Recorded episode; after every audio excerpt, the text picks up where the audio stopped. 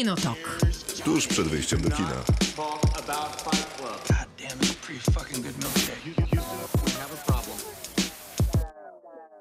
Dzień dobry, dobry wieczór. Krzysztof Majewski. Miłosława Bożek. Maciej Stasierski. Mamy ciekawe Jestem, spi- spięcie jestem na chyba, tak? mikrofonach. Się, tak, działo jesteś, się. jesteś. Mhm. Dzieje się, wszystko się. się dzieje dobrze. To jest Kinotok, audycja, która opowiada o filmach i serialach przez dwie godziny między 22 a północą w każdy poniedziałek, a we wtorek e, jesteśmy już podcastem, który jest dostępny, dostępny, takie jest to słowo, wszędzie tam, gdzie słuchamy podcastów. Jest nowość, można ładne go oceniać na Spotify'u. Dawajcie Właśnie, nam a ja piątki. nie mogę. A chciałem ocenić nas samych oczywiście. A, mówisz o swoim E, e, podcaście, I aha. nie jestem w stanie tego zrobić. Nie wiem, jak to zrobić. Ktoś wie? No Za tydzień gwiazdki. nie usłyszą Państwo Maćka Stasierskiego, zostaje zwolniony dyscyplinarnie Za podko- samoocenianie się? za niesamoocenianie się, za podkopywanie marki. Ale naprawdę nie wiem. No dobrze, powalczymy z tym. Pokażesz mi? Dobrze. Dobrze. Tak, nagramy z tego filmik, bo być może ktoś Tak będzie jest, miał problem. filmik instruktorze. Nie, bo jak widziałem, że widziałem, że Michał Oleszczyk też wrzucał, żeby jego z kolei podcast polecać, który je- też i- polecamy. I udało ci się E, jego ocenić i na plus. jego też nie umiem ocenić. I bardzo dużo komentarzy było, że nikt nie umie jego podcastu okej. ocenić. Jest świeżnie do oceny. Nasz natomiast jest do oceny. Na Spotify'u y, pod nazwą jest taka opcja gwiazdki. Proszę tam kliknąć i wybrać, co Państwu tam w sercu leży. Piątka Znaczy, jest mile widziana. Tak jest, no, no czy tylko przyjmuję piątki, nie? Tak, Tak. i przybijamy piątki z tymi, którzy dadzą nam piątki. Tak jest. Skoro już rozmawiamy o podsumowaniach, to Spotify też e, wykluł z siebie te słynne rapy, czyli podsumowanie roku. To podsumowanie roku wyjątkowo dobrze nam wypadło, więc bardzo dziękujemy za wszystkie uszy przy podcaście w ciągu tego roku. Dostałem też dużo takich wiadomości odnośnie tego, Właśnie że też chciałem o tym powiedzieć, że Ja dostałem też powiedzieć, że kilka takich wiadomości Spotify'a i pod nie da się tytułem... ocenić. O, dziękuję. E, Dostałem też właśnie kilka takich wiadomości, że nasz podcast był najchętniej słuchanym podcastem przez wielu moich znajomych, prawdopodobnie twoich też. tak, więc było to bardzo miłe. E, Wszystkim, e, których nie znamy osobiście, dziękujemy, Dziękujemy. tak samo. Zwłaszcza, że okazało się, że byliśmy w top 200 polskich podcastów. Ja tak namiętnie sprawdzałem e, w tych pierwszych miesiącach, kiedy tworzyliśmy podcast, czy byśmy się tam może nie pojawili. No i później zrezygnowałem, a- Spotify w żaden sposób nie informuje, że człowiek się tam Nie, dostaje. nie, nie. A byliśmy tam parę dni na 127 bodajże pozycji. 150. Nawet U, w top 130. 127. No to właśnie.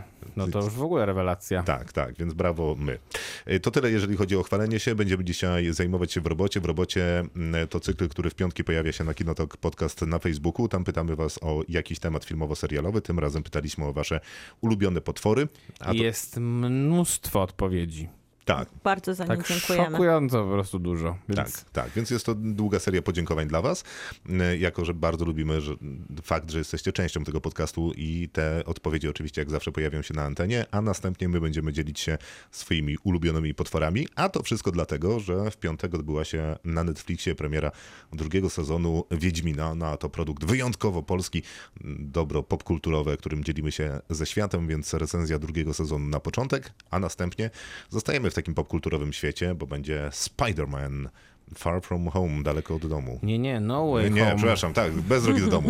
Bez drogi do domu tym ten, razem. ten, ten, ten, który ja powiedziałem, to już był. Tak, ten był 2-3 lata temu. Tak, tak, tak, tak. Nie wiem, czy 2 czy 3, ale... Także Tom Holland powraca w każdym razie, zresztą I to z rekordem e, otwarcia pandemicznego, rekordem otwarcia też w Polsce e, okresu pandemicznego i trzecim wynikiem w ogóle otwarcia w historii. Także dosyć mocno, jak słychać. Tak, tak, E, dosyć mocne otwarcie. Są ku temu pewne powody, zresztą jest ich pewnie parę, będziemy o nich rozmawiać.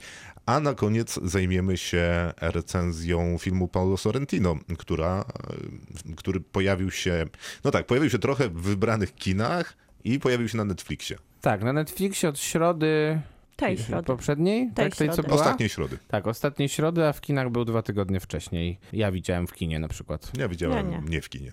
I zapraszamy. Do not talk about Fight Club. Kinotok. Film. Jak zawsze na początek w robocie, tym razem pytaliśmy o ulubione potwory. To wszystko z okazji premiery drugiego sezonu Wiedźmina Witchera, który dostępny jest w całości, jak to zwykle bywa, na Netflixie. Głosów, jak mówił Maciej, jest strasznie dużo, więc potwory chyba po prostu całkiem zwyczajnie lubimy oglądać, albo mamy jakiś stosunek do nich mocny, mm, jak już te filmy obejrzymy. To zacznijmy może tu. Mając lat naście, pisze Ewelina, traumatycznie przeżyłam seans Labiryntu Fauna. Dzięki pamiętnemu potworowi z gałkami ocznymi na dłoniach, które je który je małe dzieci. Do tej pory przechodzi mnie dreszcz na jego widok. No i akurat wyciąganie Guillermo del Toro to jest znakomity pomysł. To jest człowiek, który opowiadał przecież wielokrotnie o tym, że zamia, za, zamiast mieć i bać się potworów, które są pod łóżkiem, no to wolał je opisać w swoich filmach. I... To wyciągał je z poduszka i Tak. po prostu nam je pokazywał. Tak, Dlatego masz dokładnie. gdzieś To jest, Hellboya. to jest w ogóle super ładnie powiedziane. Jeszcze raz? Na pewno masz gdzieś u siebie Hellboya. Ale drugą część. Złotą Armię. Oczywiście, tylko drugą. A oczywiście, tylko druga się Ale liczy. tam też nasi słuchacze wymieniali kształt wody jako jeden z tych kolejnych przykładów potwora, nie potwora. Potwora, nie potwora. No ale potwora tak Nie, jakby no, w ale- szerokiej definicji. Ale w labiryncie fauna to raczej jest był potwór. potwór, jednak Tak, potwór, tak. Potwór. Nie no, ale nikt nie w, polemizuje. w kształcie wody to raczej nie był taki potwór, potwór. Nie, no to potwór nie był. Miał jedynie Dzięki. nieludzki Tak, kształt. roz- roz- Rozumiałeś rozróżnić, Znaczy miałem wrażenie, że rozumiałem Chciałabym, zanim zacząłeś mi tłumaczyć. dobrze, wytłumaczyć- wrażenie, że wszyscy inni też rozumieli, ale dziękuję. Chciałabym wytłumaczyć dla wszystkich słuchaczy, którzy nie widzą, tutaj wyszła bardzo taka intensywna wymiana em, wzroku między Krzysztofem Wymiana a... wzroku wyszła. Proszę tu na mnie. To tak a propos tych gałek ocznych. Intensywnie, intensywnie. Marcin pisze, że pudding grający w tenisa, który zmieniał ludzi w Szkotów. Monty Python. A, no Miałem, miałem przez moment e, chwilę zawahania. Ja Mówię też, tak, Skąd to jest? Mówię, Skąd ten pudding? To na pewno Gdzie ja jest. widziałem ten pudding? Nawet jeżeli tego nie wiem, to to jest z Monty Pythona, kropka. Marek, jedną ze straszniejszych, potwornych postaci jest dla mnie demon w Silent Hill. Ten w trójkątnym hełmie z mieczem, ale inne również są tam koszmarne. Poza tym e, w zestawieniu z pewnością powinien się znaleźć Bob, Blob, zabójca z kosmosu. Blob jak najbardziej. Jako naturszczyk e, z potworów uroczych i kochanych przez widzów koniecznie nie E.T.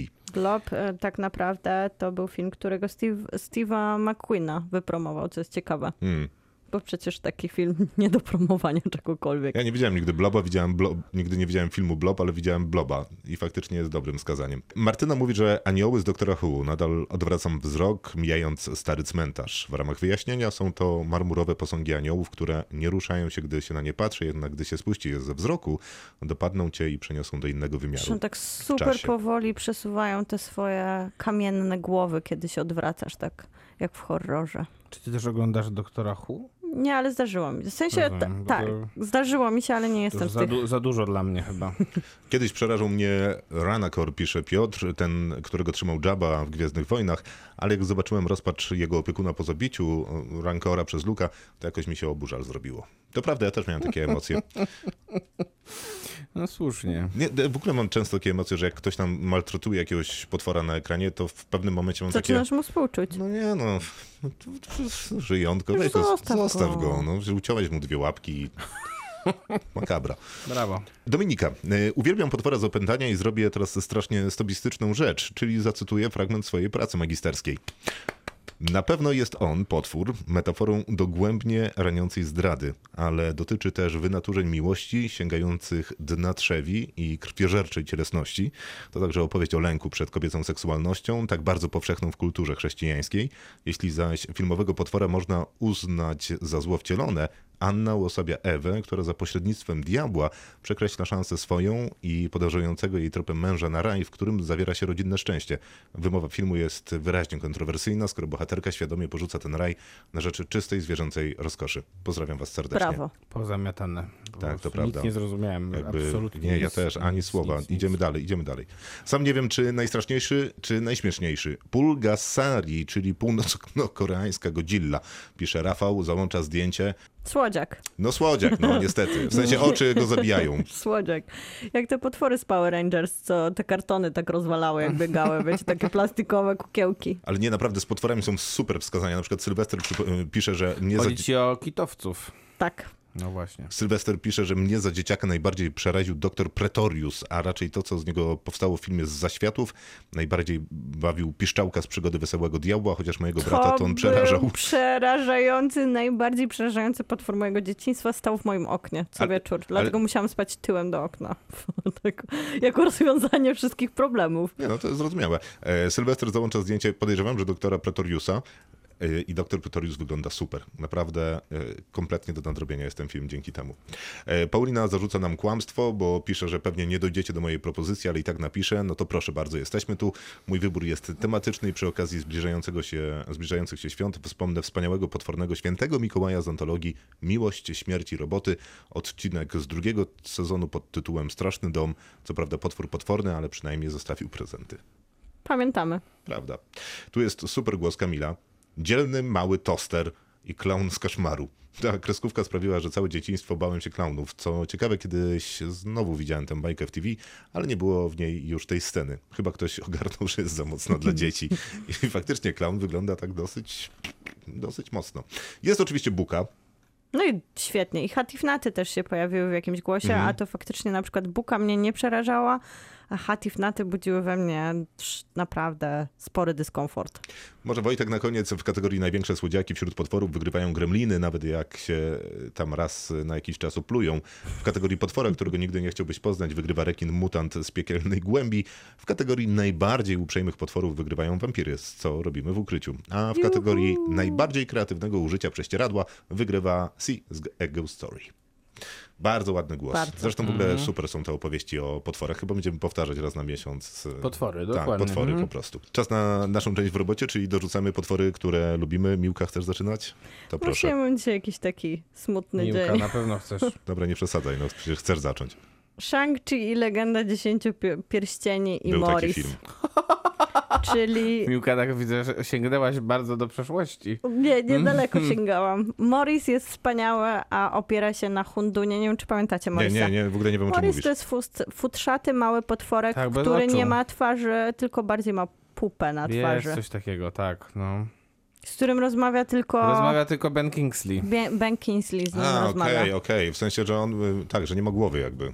Tak. Nie ma zupełnie. głowę, nie ma, ale- Nie ma przodu ani tyłu. Nie ma tak, przodu tak. ani tyłu. Ma nogi tylko. I jest oparty na, dzisiaj sprawdziłam to, na chińskim hundunie, który wygląda, zobacz, Maciek, Maciek siedzi o mnie, obok mnie, więc mogę mu pokazać No, dokładnie jak Morris. mogę się to naprzeciwko. No. No zobacz.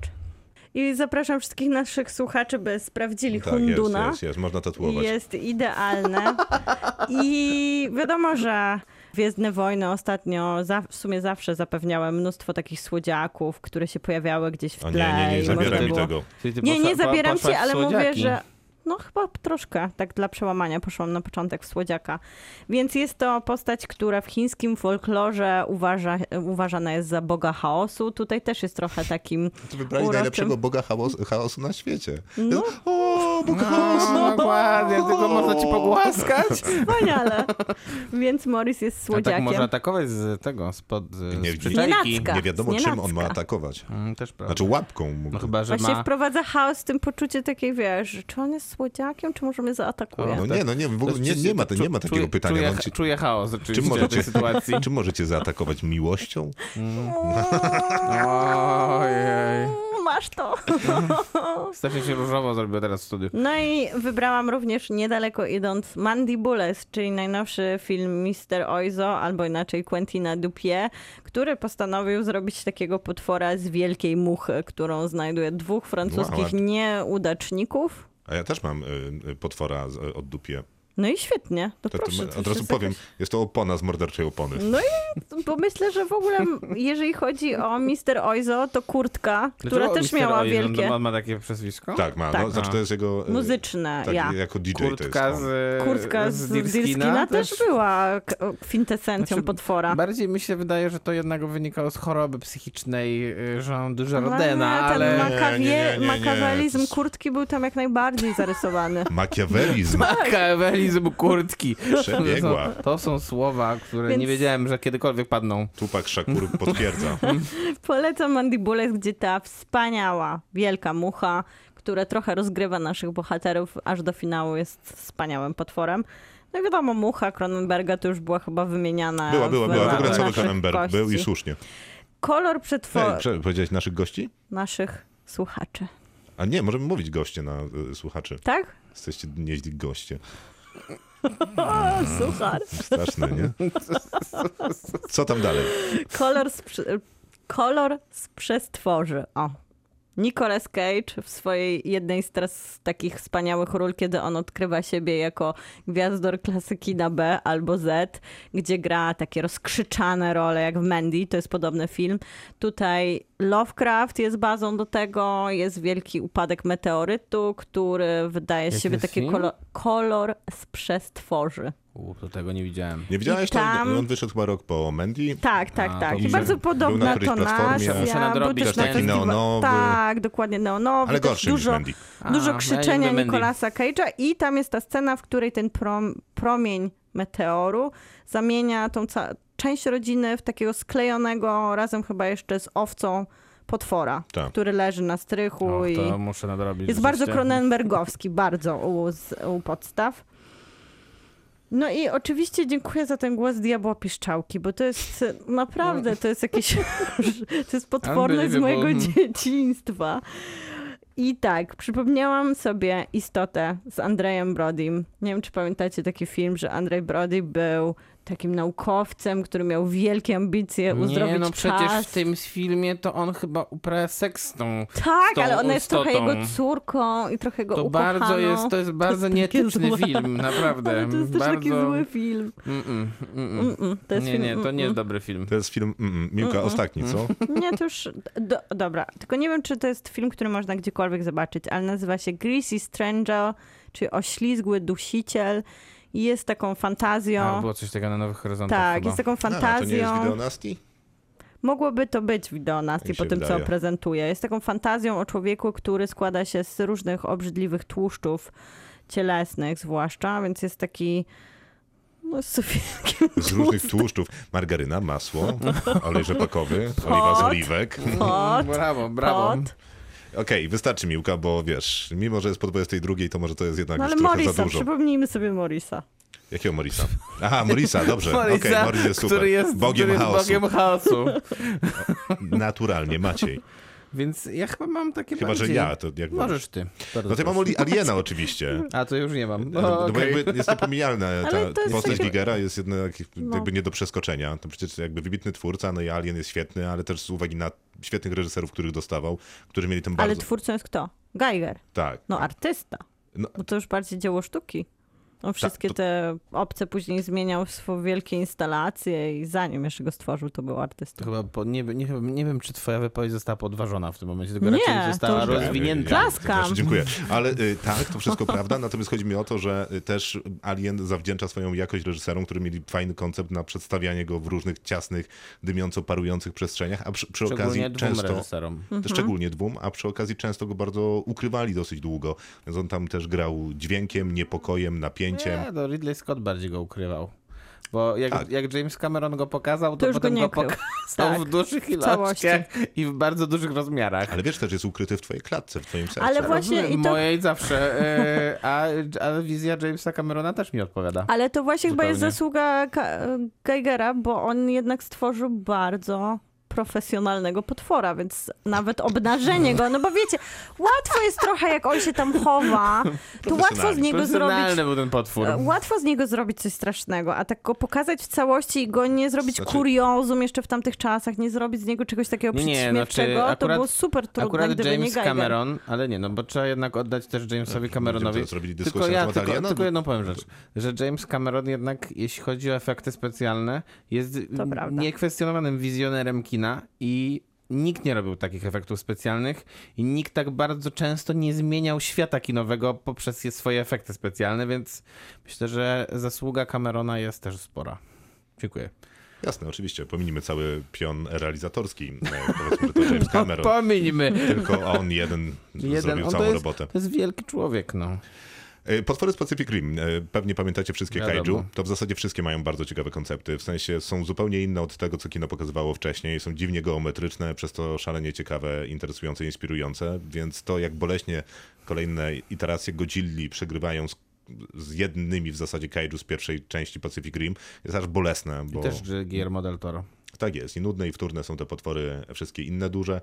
No a Pacific Rim jednak potrafi coś ciekawego nam pokazać. A przy okazji one były super dobrze widoczne. Bo tam wspominam oczywiście Transformersów, Tak. parę innych filmów, które no, chciały ukrywać potwory. Nie wiem, Alien też chciał go ukrywać. Ale są wielkie i doskonale je widać. Można je obejrzeć w zasadzie w każdym ujęciu. I jak się tłuką, to też się tłuką tak, że ja to widzę. Lepiej niż Venomy.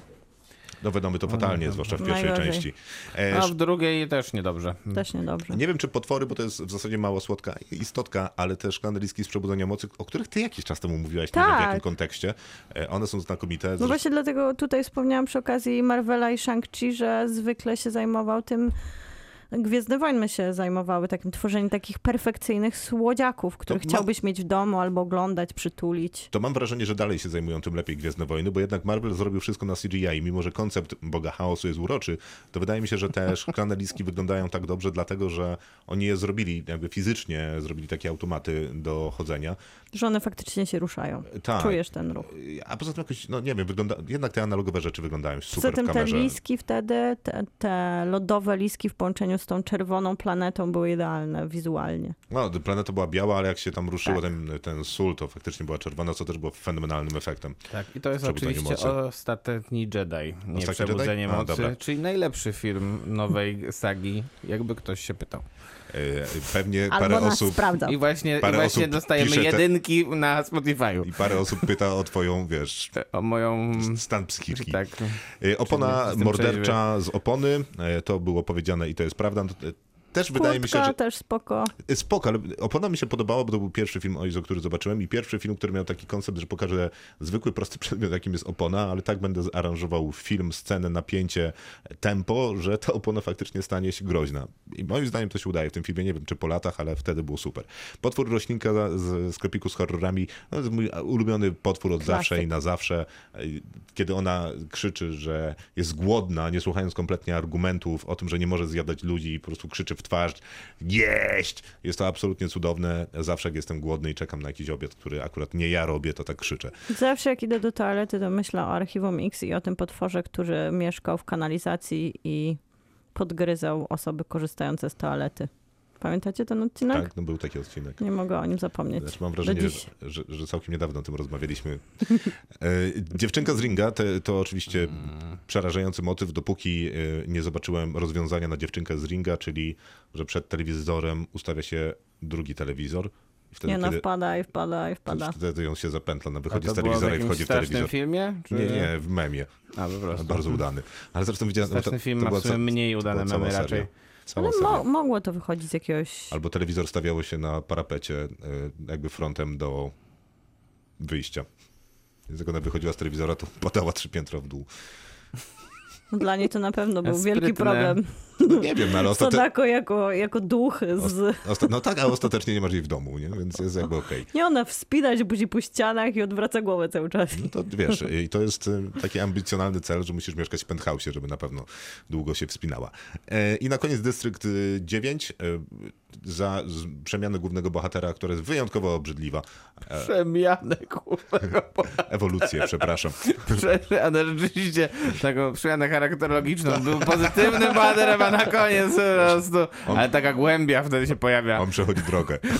Dokładnie. Nie, no, ale tam, tam te sceny, kiedy on ukrywa mm, swoją dłoń, od której, czy tam rękę, od której zaczyna się ta przemiana. Transformacja. I Jest w tym coś takiego niepokojącego. Bardzo łatwo się z tym empatyzuje i jest to bardzo niepokojące empatyzowanie. Nie powinno się z tym pewnie empatyzować.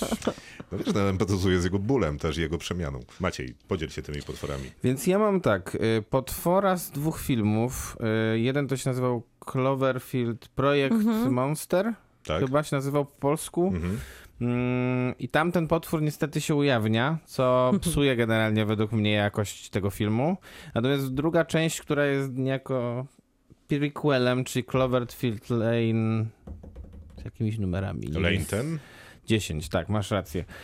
E, który się prawie cały rozgrywa w takim schronie piwnicy. Ale dobry to jest film. Bardzo Bunkrze. dobry to jest film. Najlepszy z I serii. rzeczywiście tam ten potwór się pojawia bardzo późno. W sumie w finale I dopiero. można było i. em, To, jest, to w ogóle, że ten potwór, potwór się pojawia, nie? tak. To to jest y, jakby 100 na 100 spoiler. A to prawda. Zgadza się, tak jak, tak jak zawsze, ale to jeżeli ktoś nie oglądał tego filmu, to, To przykro mi. No to już nie zaglądasz pewnie. Nie ma sensu. Yy, Mam też taki klasyczny, czyli Predatora. Nie da, dwa lata temu oglądałem Predatora na dużym ekranie i uważam, że dalej działa Predator. Ale którego? Tego, e, Tego pierwszego? pierwszego, pierwszego, tego legitymnego Predatora z Arnoldem Schwarzeneggerem. E, No to jest jednak robota naprawdę solidna i te efekty wciąż dobrze wyglądają. Mm, I ten Predator jest rzeczywiście przerażający. Jakby nie wyrzucałbym do śmieci tego ostatniego Predatora, który jest strasznie takim guilty pleasure i takim shitem filmowym, ale z drugiej strony Ja dobrze wyrzucam. się to wygląda. Aha, no Ja nawet nie podeszłam. Rozumiem. E, No myślę, że potwory z tego, z Quiet Place są bardzo ciekawe. To jest E. jakiś w ogóle ostatnio taki trend na te potwory. One są wszystkie trochę podobne do siebie. Stranger Things, Quiet Place, w sensie Nie, czy. Fizis mają podobno, Znaczy- szybko No biegają, tak, ale inaczej się zachowują podobne. jednak te z Quiet Place jednak. No bo, inaczej, Bo no. Znaczy mają... koncept potwora jest też inny, ale no nie wiem, Eternal zrobili zupełnie inne potwory, a fajne. Jakie oni mają potwory? No to takie, Te które takie składają duże. się jakby z, z A, wojów takie trochę- A, te, przepraszam. Mieniące się. Trochę Eee. liski. Tam są trochę liski, jak tam na lodzie w, W mieszkają. ogóle to nie są liski. To, Jak to na lodzie- o innych potworach mówimy. Myślę, że można byłoby też e, na upartego e, wskazać jako potwory, mm, ludzkie potwory. O, doskonale. Nice. Jest takie to Sukcesja. głębokie, nie? Tak. Gdzie jest muzyka Ale, ale, bardziej, ale bardziej tak jednak ludzkie, ale trochę To, to nieludzkie. chwilę zajmie. Więc to będzie na pewno... Poczekaj e, Macie, poczekaj, już mam Czekaj. dla ciebie muzykę. Ale nie chcę sukcesji. Na pewno nie chcesz? Dobrze, potwory, czyli cała rodzina rojów i jeszcze, jeszcze wszyscy, którzy, którzy ją otaczają. Ale ja bym wskazał po pierwsze na doktora Hannibala Lectera. On jednak jest potworem w ludzkiej skórze. E, a przy okazji jest Wspaniała metafora. strasznie takim em, szarmanckim inteligentem, więc wszystko tutaj bardzo jest po, pomieszane. I jest to wspaniała postać, jedna z moich ulubionych filmowych postaci. Chyba już to mówiłem pewnie z 16 razy. Nie, skądże? Mm. Czekaj, jak się nazywa twój ulubiony film? E, mój... Czekaj, muszę teraz się zastanowić, który. E, bo to się zmienia tak raz na jakiś czas. Natomiast to jest jeden. Oczywiście drugi potwór, o którym też już wspominałem kiedyś, to jest... e, I się śmieliście wtedy ze mnie. Mhm. Uwaga, to- będziemy się znowu To śmiać. jest, Pewnie tak. to jest mumia. jest to, to jest moje, to jest takie moje guilty pleasure, takie coś, co pamiętam z dzieciństwa, że z, jak, jak rozmawialiśmy Ale w nie zeszłym... bałeś się, jak to jest taki rozmawialiśmy w zeszłym- potwór To prawda, przecież. jak rozmawialiśmy w zeszłym tygodniu o mm, tych wspomnieniach e, z lat 90., mm, to z Mumią ja mam takie wspomnienie właśnie polegające na tym, że pamiętam, że A, czyli kontynuujemy ten program. jedną z części tego filmu e, uzyskaliśmy z moim ojcem To jest na tak, bardzo z- dyplomatyczne słowo. na tak, zwanej, na tak zwanej giełdzie, giełdzie komputerowej na Politechnice Wrocławskiej. I y, no tam był problem, bo napisy się nie zgadzały z, z, z, ten, z linią dialogową. Film od profesorów i Dokładnie, no.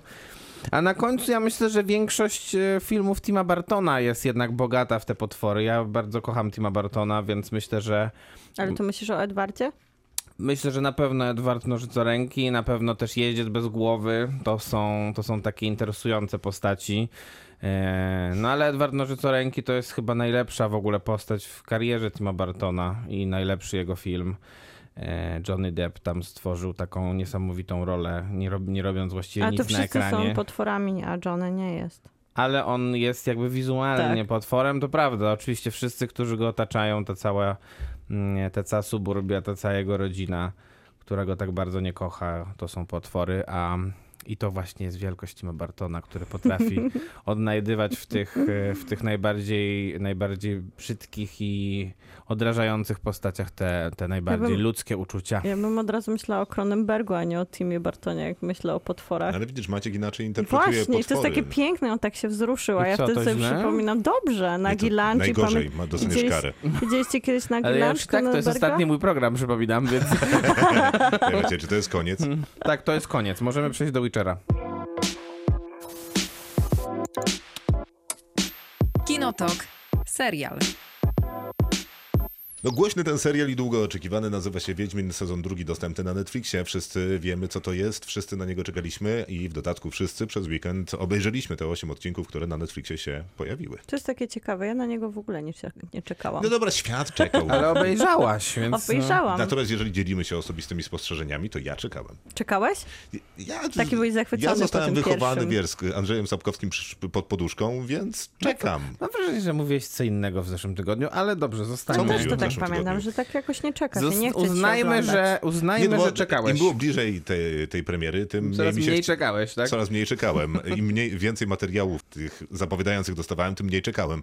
Ale zwłaszcza, generalnie że to oczekiwanie było we mnie. Ciekawe z perspektywy fana Sapkowskiego, ja również jestem fanką, że nie oczekujesz od tego serialu chyba jakiegoś szczególnie, że on bardzo, bardzo wypełni twoje oczekiwanie z perspektywy literackiej, bo pierwszy sezon nam udowodnił, że tam raczej był chaos i I chaos. Bóg chaosu, Bóg chaosu się chaosu pojawił Znaczy ja i w tej pewny. opowieści nielinarnej, gdyby, gdybyś nie miał jakiegoś podręcznika, to byś sobie nie poradził. Znaczy miałem, tylko że ja miałem podręcznik, No. nie? No bo miałem y, zbiory opowiadań Andrzeja Sapkowskiego, na podstawie których powstały poszczególne odcinki tej historii. się w głowie. Miałem je w głowie, miałem, mam je też na półce.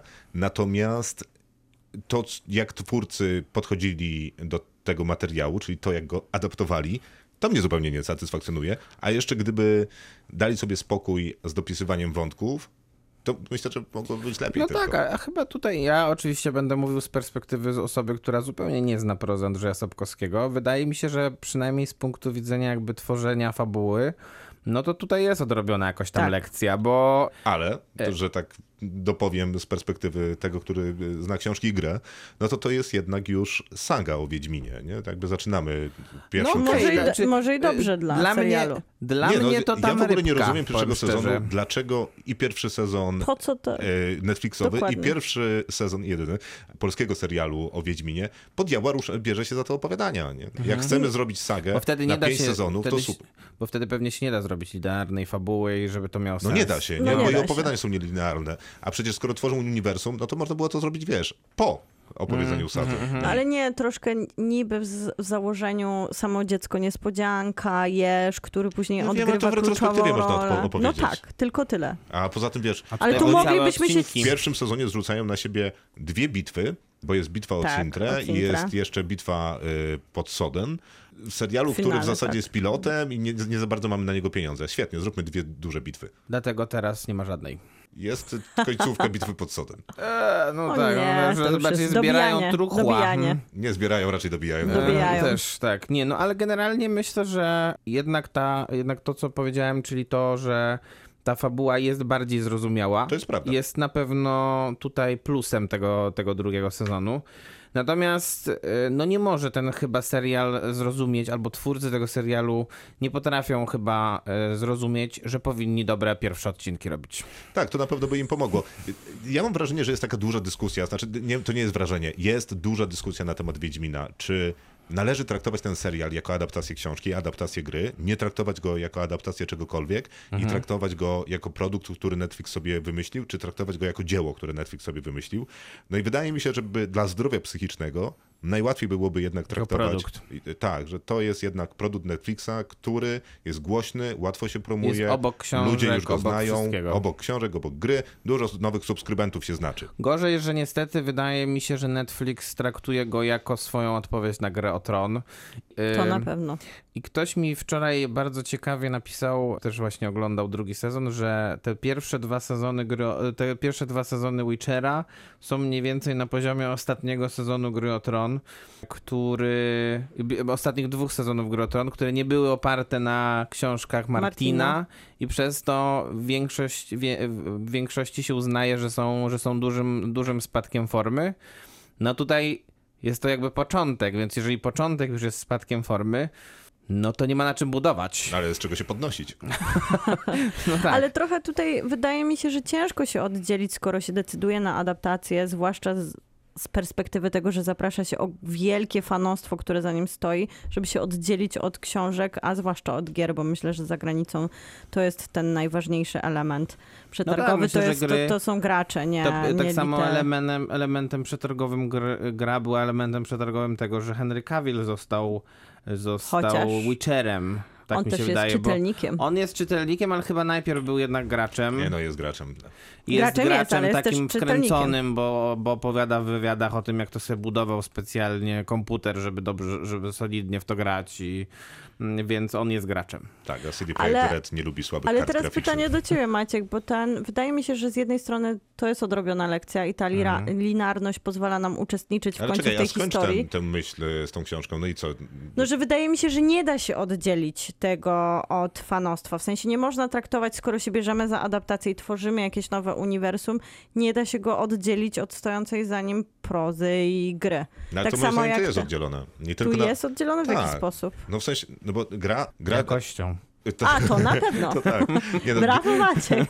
Gra co do zasady, biorąc pod uwagę, że mówimy o trzeciej części gry, no i powiedzmy drugą, bo te zdobyły tę największą Mhm. popularność, jedynka w zasadzie rozkręcała studio, no to one opowiadają inne historie niż y, opowiadają książki. Tak. Biorą sobie tam poszczególne motywy. I, I to jest- serial też, I tak? to jest właśnie... Jeszcze- tak, i, y, a serial z kolei no też opowiada inną historię, no bo jakby teoretycznie opowiada pierwszy tom sagi, no ale też y, bierze sobie na przykład poszczególne motywy z późniejszych Tak. tomów, upychając je teraz i dodaje y, taki napędzacz fabularny, żeby w każdym sezonie był jakby boss do pokonania, którego w książce nie było. Ale nigdy nie wychodzi poza książkę. To, że sobie przekleja pewne wątki, nie no, no, jest jak? naturalne no, wy, w jak? No adaptacji. wychodzi poza książkę. Gdzie? No to cały przeciwnik drugiego sezonu jest pozaksiążkowy. Który przeciwnik drugiego sezonu? No, w sensie, gdzie w sadze jest ta... No, w sensie nie wiem, ile mogę powiedzieć, żeby bia, biały płomień? Spoiler, nie biały płomień. Nie, on to, jest. no to on jest, już był w pierwszym sezonie. Nie, no dobra, to mówię o chatce. A o chatce, a to jest przeciwnik jakiś. No a, jest, no, jak? tak. Jest to no, przeciwnik jak? No ewidentny, no, jest jednoznaczny W, przeciwnik. w tym drugim sezonie są dwa generalnie główne wątki, tak? Jeden jest związany z relacją Siri i Geralta. Geralta, a drugi to jest ten wątek taki odbudowującej się Cintry pod władzą. Nilfgaardu i, Emyra. i elfów, którzy tam, pracu- to tam jeszcze tam pracują, Yennefer tak? dorzuciła, która tam No i właśnie... Yennefer się tak... Ona tak, się, ona tak krąży pomiędzy tymi wątkami, nie wiadomo gdzie ją wcisnąć. I na, co najlepsze, zawsze się pojawia do, tak trzy minuty po tym, jak oni wszyscy są w tym samym miejscu. To jest, to jest po prostu Może przy- absurdalna Może rzecz. przypomnę ci cytat z Gandalfa. Czarodziej jest na miejscu zawsze wtedy, kiedy chciał. Ani za wcześnie, ani za późno. To brzmi trochę jak mistrz Joda też, ale no... Przecież Gandalf jest tą samą postacią. to prawda. Więc jakieś miałeś pytanie do mnie. Tak, że z perspektywy tej li- linarności, która tutaj dodała, na pewno takiego większego angażu z perspektywy widza, bo jest opowiadana jakaś historia, my z nią płyniemy, ale wydaje mi się, że tu jest dalej sporo chaosu. W sensie, sensie, że dalej tu ja- jest mnóstwo niewytłumaczonych rzeczy i to pytam Maćka o to, kiedy nie masz kontekstu książki, byłeś... Znaczy ja mam główny problem z tym serialem taki, że on nie jest w stanie mnie zaangażować za bardzo, więc mnie ta historia nawet, czy, czy ona teraz jest mniej chaotyczna, czy bardziej, jest zdecydowanie mniej, bo jakby wszystko się toczy po prostu w kolejności. To jak ja obejrzałem te 8 odcinków, to po pół godzinie zapomniałem o czym one były. I tak samo miałem problem, jak obejrzałem pierwsze cztery. Po, po godzinie, jak rozmawiałem z kumplem, który to samo oglądał, też, też miałem problem, żeby mu powiedzieć, co mi się podobało, a co nie. Dobra, pogadajmy o Wiedźminie w drugim sezonie na poważnie. Pogadajmy trochę Znaczy, może... przepraszam, to co ja mówiłem, to było niepoważne, rozumiem, dziękuję. Nie, nie, teraz, ja już się teraz go po prostu wyłączam, będziemy obrażać. Już, już nie wracasz. nie wracam. Możemy faktycznie zamknąć tą kwestię, że jest lepiej, bo jest opowieść. I teraz Tak. mamy głównych bohaterów bardziej niż ostatnio, bo na pewno Siri jest więcej niż było w pierwszym sezonie. Nie, cała I rzeczywistość też- się układa dobrze. Nie? Tak, tak, ale jest też więcej tych relacji. I wydaje mi się, że to jest trochę problem dla tego serialu. Dla tego serialu, bo generalnie to nie byłby problem. Nie byłby problem. Rozwijające i... się relacje są zwykle pozytywne. Bardzo. Chociaż wydaje się, że niby unikają błędów zeszłego sezonu, gdzie relacji nie było, ale było za dużo taniości, która w różnych elementach zawodziła. Tak, ale to przejdźmy przez te relacje, nie? No I bo te relacje w wie- wielu wypadkach św- nie działają. Właśnie, bo mieliśmy Tak. świetną relację Jaskra, który śpiewał przed momentem Tak. z Geraltem. Jaskier w zasadzie wyleciał z serialu, niby tam jest, ale z Geraltem może ma ze trzy zdania do Finał. wymiany. Tak. Jest Za relacja... to był na siłowni, więc To, tak, to Gratulujemy. Była, jest relacja Geralta z Ciri, Tak. która jest przyzwoita i to jest najwięcej, co mogę Ja na ten tu temat zgłaszam, powiedzieć. zgłaszam poprawkę, że przez to, że Re Geralt cały czas robi takie ojcowskie peptoki i ciągle tam pociesza tak. Ciri, to traci trochę na sile Geralta, który jest gburem, jest wycofany, jest zimny i tutaj Henry Cavill działał jako taka właśnie ostoja braku komentarza. No tak, ale on szyje, ile mu jednak dają tej No i, i mało mu ale- dają. ale niewiele mu mało dają. dało- dają mu, mało mu tego dają. materiału, ale no... Ale to jeszcze tak nie boli. Nie, ale jest też relacja Wesemir Ciri, która moim zdaniem nie istnieje, nawet jeżeli ktoś Nie, u- uważa, nie, że nie, nie to ma być istnieje. jej dziadek, to nie działa. Jest relacja, która była dosyć duża w książce, czyli Tris Marigold i Ciri. O, osobiście uważam, że też. Tris Marigold jest najgorszą postacią drugiego sezonu. No na Jest pewno, jedyne- nie jest, na pewno nie jest też Tris, taką, którą ja czuję jako... Znaczy nie jest twoją, tak. ale no jako, że tych perspektyw jest dużo, No a oni mają swoje prawo do adaptacji, no to okej, moją też nie jest. Znaczy myślę, że jest Natomiast- też najsłabszą aktorką. Tak, to bo na jedyne pewno. co robi, to uśmiecha się miękkimi oczami do Mhm. całego otoczenia i nawet sobie cofałem w jednej Ale na scenie, czy granicy naprawdę płaczu, na robi dokładnie płaczu. to samo trzy minuty temu Troszkę robi. płaczu też jest. Tak, wiesz, też. uśmiech, ale zaraz tak, mogę się załamać. I to jest jakby ten... Tragedia. A, ale jakie No i jest jeszcze relacja Ciri Yennefer, y, też taka istotna w książce, w której ona uczyła ją magii. Tutaj jest to przesunięte, bo ona już w zasadzie umie. Tak. No ale mają tam jakoś No, ale taką to jest pięć minut budowaną też. matczynej relację. Jest, no tak jest, jest, jest pięć No I i to też tak, nie działa. ale, ale Nie, nie działa. To nie działa. No i ten wątek jakby zajmuje powiedzmy 66% tego całego, tej całej fabuły. Tak, te wszystkie wątki, które są związane wo- z Geraltem i Ciri. Emoc, A z drugiej strony mamy tą Cintrę i tych ludzi dziwnych i... Znaczy mamy y, Królestwo Północy kontra Nilfgaard. Dokładnie. I e, nie wiem, co to znaczy, cokolwiek powiedziałeś, ale masz na masz rację. Natomiast jeżeli szukać jakichś pozytywów, bo na szczęście ten, ten wątek jest dosyć ukrócony, chociaż nic tam się absolutnie nie dzieje. Tam to, to, E, O którym wątku mówisz? no ten, e, ten e, z tym Nilfgaardem. Po co on w ogóle tam jest? Niech, ja, ja, ja, ten cały wątek. Nilfgaardzki? No tak. jest fundamentalny dla No to całej opowieści. Rozumiem, tylko że, tylko że ten serial w ogóle tego nie pokazuje. Nie ma nawet sugestii, że to jest ważne. Po prostu w odcinkach, które trwają po 55 minut, Fringilla, czy Fringilla, czy jak, jakby, jej nie- jak, jakby, jej- jakby jej nie mówić, jest przez 3 minuty w każdym odcinku i to ma być sugestia, że ten wątek jest istotny i jest równoprawny, a wy mówicie, że on jest najważniejszy. No to to, no to, to jest absurdalne przecież. Znaczy, bo książka opowiadała y, takie dwie narracje. No jedną była ta walka Królestw Północy, czyli wszystkich, Mhm. kontra Nilfgaard, który miał takie imperialne zapędy i chciał podbić sobie e, wszystkich. Świat. Świat. No i ten Nilfgaard w ramach tego podbijania świata szuka też Ciri. I drugim motywem jest właśnie to poszukiwanie Ciri przez No jeszcze różne są podmioty. elfi, e, e, No no ale- elfie napięcia i rasizm i wszystkie No ale te to jest jakby dookoła całej wo- Tak, wojny, prawda. nie? No więc da, dwa wątki Nilfgaard kontra Królestwo Północy i Nilfgaard kontra Wiedźmin i inni zainteresowani poszukujący Ciri. Ale to jest odpowiedź na moje pytanie, czy Maciek uważa, że jest chaotycznie nie czytając książki? Tylko, Dla niego no ten znowu. Nilfgaard, e, To jest to znaczy, Nilfgaard- że on nie ma pokrycia, No i kiedy nie ma się jeżeli ty mówisz, fundamentów jeżeli w książce. mówisz, że, No jeżeli. Mówisz, że Nilfgaard i ten, i ten cały wątek związany z rywalizacją pomiędzy tymi, pomiędzy tymi królestwami jest istotny, to ten serial tego nie pokazuje. Pokazuje to, w, pokazuje kilka scen z tego, z tego życia. Pokazuje tam scenę tego, tego dziecka Nie, no, tak jest. elfickiego. Tak jest, to jest prawda.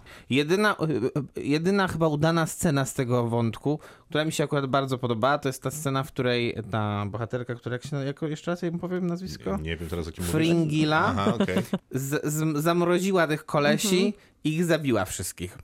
To była udana scena, bo też aktorka, która ją gra, Mimi Kaisa, jest powiedzmy jakimś tam mikro-highlightem tego, tego I tu serialu. jest trochę kolejny mój zarzut do tego serialu, że to jest ogromna nierównowaga pomiędzy główną obsadą, która sobie radzi na tyle, ile może wyciągnąć ze swojego scenariusza i z napisanych im postaci, bo wydaje mi się, że Henry Cavill byłby dużo lepszy, gdyby miał lepszy scenariusz. No i też bardzo dużo złych aktorów wokół nich, którzy zupełnie sobie nie radzą z tym i sprawiają, że ten serial wygląda naprawdę tanio. Naprawdę nie, no bo tanio i jest strasznie tandetnie. dużo złych aktorów, rzeczywiście, bo na przykład, no to, to tej Tris Marigold to już mówiliśmy, natomiast Hmm. ten pan, który gra tego Wesemira też jest bardzo złym aktorem. Naprawdę jest złym. Jest. Co ciekawe, prostu, on grał co on tam robi? Nic nie robi. kilkakrotnie w serialach, na przykład w Killing Eve i był super, więc wydaje mi się, że może też Może jest jakiś problem z prowadzeniem. A może mu właśnie nie służy kostium. W sensie tak, no, jest tam dużo wątków, one są nieznośne. To, o czym się mówi, że ten serial ma znacznie więcej pieniędzy, to teoretycznie widać, no bo mamy tego Monster of the Week, Geralt co, no. co tydzień zabija jakiegoś potwora, który z reguły wygląda dobrze, finał wygląda super. Na, no, w mojej ocenie. Natomiast mam wrażenie, że ten serial jednak wybrał taki styl wyglądania jak e, reklama z telewizji. Dobra reklama elitarnej marki, znaczy może takiej lepszej marki. Mi się bardzo kojarzyło to z reklamą jakichś Adidasów. Naprawdę jest ta jest to drzewo z wiszącymi tymi medalionami poległych Wiedźminów, to brakowało mi tam rzuconych jeszcze sneakersów, y, takie, które wiszą tak jak czasami na kablach gdzieś tam e, w Queens mogłyby wisieć. Ale to jest I to jest nieznośne. Gdyby Geralt miał na klacie logo jakiejś firmy odzieżowej, to bym się nie, nie zdziwił. I, ale to tylko i wyłącznie dlatego, że ten serial jakby ma podobne dobory stylistyczne, jak mają reklamy. Dlatego ten świat jest taki trudny dla mnie do wejścia, bo trudno mi przeskoczyć z reklamy obuwia do strasznego potwora i rzekomych intryg na dworach całego które się też dzieją świata. super wybiórczo i super szybko, się, więc nie możesz, Nie, e, nie możesz ich śledzić, ani Nie, pomyśleć, absu- że absolutnie to są w ogóle ich nie ma. zarysowane po prostu jeżeli, iskierki. Jeżeli intrygą jest coś, że facet rozmawia z jakąś sową, no to z całym szacunkiem to nie jest żadna intryga. Ale no. ja chciałabym do tego świata zbudowanego wrócić, bo trochę widać tu więcej pieniędzy, ale to są Nie, no takie widać. nierówne No mo- widać, ale- no. no ale nierówne są te momenty, bo Są. mamy ten Karen Moren, który jest okej zarysowana, a później prze- przenosimy się z Yennefer do wioski, gdzie ona biega w jakimś najgłupszym kostiumie fioletowym i to o, tak, to wygląda tym słyszałem, o jak z jakiegoś dużo rzeczy. dramatycznej inscenizacji taniego serialu, który udaje Okej, ale średniowiecze. Potwory są ładne, magia jest ładna, No ale tu te wszystkie znaki trochę są dziwi, że. Netflix musiał dokonywać takich wyborów, że skoro potwory są ładne, to jak wypuścimy trochę naszych bohaterów w miasteczko, no to to będzie bardzo źle wyglądać. Spoko, ale gdyby, wyobraź sobie, że na końcu jest jednak e, jakaś kobieta takim cichym głosem mówi nazwę perfum, nie? To dlatego ja że w- dalej tak myślę o tym Tylko, serialu. że w poprzednim sezonie i potwory były nieładne, To prawda. i stroje były Nie, no, nieładne, bardzo. i zamki były nieładne, I więc papierowe tutaj, były zamki. tutaj przynajmniej z tych trzech rzeczy jedna jest poprawiona, więc może w następnym sezonie dwie poprawią.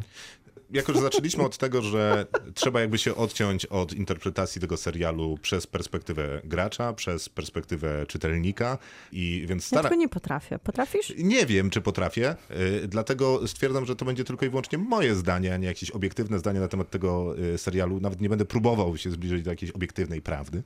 Y, Obiektywna ocena.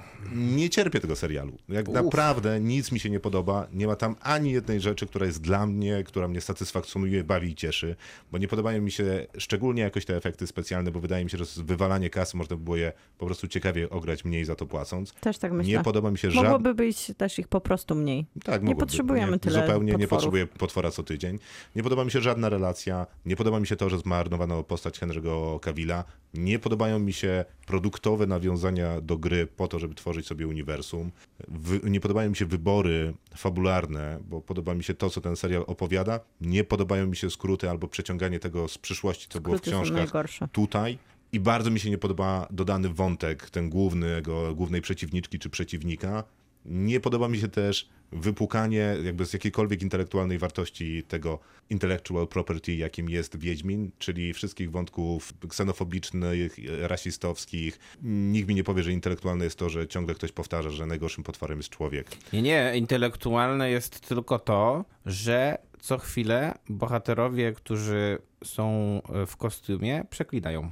Tak, nie. No więc y, kompletnie mnie odrzuca ten serial. Mimo, że ogląda się jak... y, No to może ja trochę, może ja w trochę miarę. stanę w obronie Tak, w kontekście tego, że Szybko się zapomina. Ja byłam przerażona, że on będzie wyglądał podobnie jak ten pierwszy, w kontekście tego, że oni wymyślili, że to będzie taki świat, w którym to fantazy jest takie różowe, niebieskie, podświetlone z dołu, coś co zupełnie nie działało. Najbardziej tam było I, szare, i szare, tak, i chyba, cieszę nie? się, że oni z tego zrezygnowali, z tych papierowych komnat, e, takich naprawdę no, frustrujących wyborów Ale scenograficznych nie, mia- nie masz i wrażenia, że z drugiej realizacyjnych. strony, nie masz wrażenia, że z drugiej strony niektóre zamki, które chyba już były w poprzednim sezonie, to nagle zyskały jakieś takie niesamowite wartości, na przykład to, Remont. że... Nie, nie, ale nie, nie można remontem uzasadnić to, że w poprzedniej wersji Cintra nie miała dostępu do wody, a nagle ma. No tak, i nagle ma wieżę z tą... To Tak, duży tak, no, to, to są, no, to jest, to jest Nie nie ma inny kolor poza tym Na ten pewno ma zamek, inny więc kolor. no... Ale też wydaje Remont, mi się, że, że problem no, jest I taki, doprowadzili, doprowadzili rzekę. że oni się jednak zdecydowali pozostać bardzo w tej literaturze i przez to mamy te skróty, które zupełnie nie pozwalają się jednym wątkom rozwinąć, a innym po prostu nie być obecnym, bo są niepotrzebne, bo jest ich za dużo. Zwłaszcza w ośmiodcinkowym serialu to niby nie jest dużo, ale jednak te odcinki trwają 50 minut i są nierówne, są momenty nudy. Trwają nawet są- 60 minut. To, to prawda. Jest to przykre, co się Ja tutaj głównie pociągnę to, co powiedziałeś z Henrym Cavillem. Jest to przykre, bo to był największy highlight pierwszego sezonu. Henry Cavill, który po prostu jako Geralt był w 100% najlepszym castingiem, jaki można sobie Nie, nie, no, wyobrazić. y, generalnie, tak kończąc już, Henry Cavill Jedyne, co był, można było mu zarzucić, to to, że był zbyt przypakowany. był, Zbyt przystojny. był, To jedy, jest ten argument. Geralt nie mógł być taki przystojny. był argumentem, Niczyjej wyobraźni. k- za który przyznawaliśmy chyba wszystkie Tak, jakby gwiazdki, tak. tak. Czy tam wszystkie punkty. Tak, tak, za Henry'ego. A teraz nagle za co mamy przyznawać? Mo- Bo teoretycznie, za teoretycznie mo- można byłoby powiedzieć, że w sumie to serial Przepraszam, jest... to oni to ciągle powtarzają. A, Mniejsze mniejsze zło. zło. Tak, że, bo, bo, bo teoretycznie to można było powiedzieć, że w sumie troszkę ten serial jest lepszy od, pierwszym, od No pierwszego jest, jest, sezonu. jest sensie, Ale z drugiej strony jak się wyru- dźwięk. Ale z drugiej strony się wyrównuje, bo ten Henry Cavill jest gorszy. I co? I co, trzeba taką samą ocenę dać jak pierwszemu Ja nie sezonowi? pamiętam, ile dałem pierwszemu nie sezonowi, ale Nie. na pewno dałem mu na zakładkę, bo chciałem jakby Chciałeś, no. dobrze Bo myśleć o tym serialu. patriotą. Więc będziemy, tak, to prawda, i będziemy oceniać i ja y, z olbrzymim smutkiem i dużym niesmakiem i w ogóle i jeszcze ten pomysł Netflixa na to, że oni, nie wiem, czy nie wierzą w ten serial, czy taki mają super pomysł na promowanie tego multi-wiedźminoversum, że w dniu premiery serialu ogłaszają jakby prequel do Że tego już jest serialu. spin-off. Mhm. To nie, to dajcie mi spokój. 3 na 10, dziękuję. I ten spin-off, nie wiem Uff. czy widzieliście na końcu ostatniego odcinka, mamy taki teaser, który zaprasza. Ja nie O nie, widziałem. nie, to nie widziałem. Tak, trzeba sobie chwilę Nie, bo ja poczekać i tam już, tam już jest teaser czekający na ten prequel Wiedźmińskiego Świata i on wygląda jak z telewizji Nie, nie, ja to widziałem ten teaser, tylko nie widziałem go jakby, y, no, no, no, no, tak, wygląda źle, to prawda. Najgorzej, wygląda po prostu najgorzej. Mm, Miłosława? To ja trochę stanę w obronie, że wydaje mi się, że posłuchano trochę, a z drugiej strony ciężko mówić o, Tylko o nie tym, ty- kogo, nie tych, kogo właśnie, trzeba. kogo słuchali, bo ten serial naprawdę miał bardzo dobre przyjęcie pierwszego sezonu i w tym momencie Nie, ma teraz ma duże, dużo lepsze ma teraz. ogromne, ale też ma ogromnie pozytywne recenzje za granicą ten drugi sezon, więc wydaje mi się, że oni po prostu nas nie słuchali, a słuchali tych, którym się podoba i pozostali wierni temu uniwersum, które się w sumie sprawdziło. Tak, ale masz rację, bo ja jestem w pełni świadomy tego, że to jest serial dla kogoś, tylko jak podkreślałem, to kompletnie nie jest serial dla mnie, dlatego jest 3 na 10. Ale to nie jest dla ciebie, a dla mnie też nie. A ja, ja, ja jesteśmy, a jesteśmy w zupełnie innej perspektywie, rozumiesz? To jest strasznie smutne, moment. bo, bo ty masz perspektywę taką, że jesteś ekspertem w temacie. Ja jestem total, totalnym nubem tym temacie i, i ja mam podobne odczucia, tylko że ja wystawię temu serialowi 6 na 10, Ja dlatego że po 6 na prostu się 10. oglądało go bez bólu. 6 na 10, bo nie było tak źle. Takie Umbrella Academy to nawet gorzej chyba No niż nie, ten nie, Wiedźmin. Umbrella Academy jest gorsze. Więc Nawet, Jest, e, jest, dlatego jest, ta ocena musi jest. być trochę wyższa. Ja potraktowałem to osobiście po prostu. Kinotok. Film. Czas na Spidermana, który nie jest daleko od domu, tylko nie ma drogi do domu. Tak, tak, jest. tak, tak się nazywa ten film. Bez Teraz drogi- się zastanawiam, jak do będziemy o nim rozmawiać, żeby nie spoilerować. Ja też nie wiem, ale zastanawiałem się nad tym Strasz- dzisiaj. Reżyseruje... Strasznie trudne. John Znaczy, Watts. Tak, reżyseruje John Watts, tak jak Po raz wcześniej. trzeci. Dziękuję Maciej. Kończymy, kończymy? Kto kończymy wygrał? swoje myśli po prostu. Tyle lat współpracy. Tak jest. John Watts faktycznie reżyseruje, faktycznie po raz trzeci. Faktycznie nie wiem, jak rozmawiać o tym filmie, natomiast ja byłbym za tym, żeby rozmawiać e, tak, jak ten film sugeruje, czyli do pierwszych 90 minut, czyli kiedy po raz pierwszy ten film mógłby się skończyć. Dobra, nie rozumiem. Ja też nie. Ale, Ale, ale we e, wszystkich to, jakby to zapowiedziach było wiadomo, że pojawią się te postaci z przeszłości wiadomo. Tak, i więc uniwersów, więc jest tutaj poza nawiązanie- może dwoma. Jest tutaj bezpośrednie, myślę, nawiązanie do tego, co było w animacji Into the Spider-Verse, czyli mamy bohaterów, którzy pojawiają się z innych Multiversów. multiversów, innych światów jest. równoległych Tak jest, i się natomiast... pojawiają to i się pojawiają z, głównie złe postaci. Ale też dobre. E, Okej, to, to myślę, że możemy poruszać się w tej przestrzeni i jakoś e, w, tej, w tych granicach spoilerować. Czy ja pewnie i tak wszystkie spoilery podam, Wiadomo. ale to No, więc jakby nie ma problemu, zwalimy to na Maćka. Maćka wina, jeżeli będą jakieś spoilery.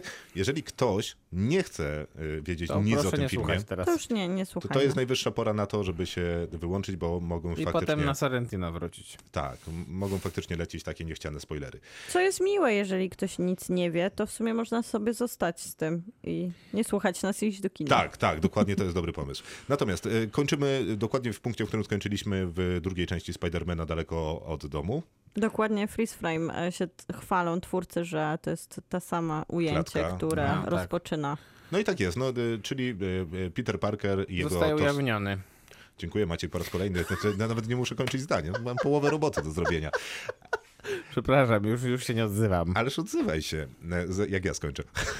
Dobrze. Więc zostaje ujawniony, Peter Parker jest załamany, zwłaszcza tym, że miał się dostać do MIT, on, Zendaya i jego guy in the chair, który wspierał go e, na- różnych misjach. E, Oni mieli się dostać do MIT, ale jako, że są kontrowersje, no bo e, świat w połowie kocha ujawnionego Spidermana, a w połowie nienawidzi, wszyscy zostają odrzuceni z tego MIT, więc idzie do doktora Strange'a i prosi go o zaklęcie. A doktor Strange stwierdza, że okej, zrobimy zaklęcie, że cały świat zapomni, że jesteś Spidermanem.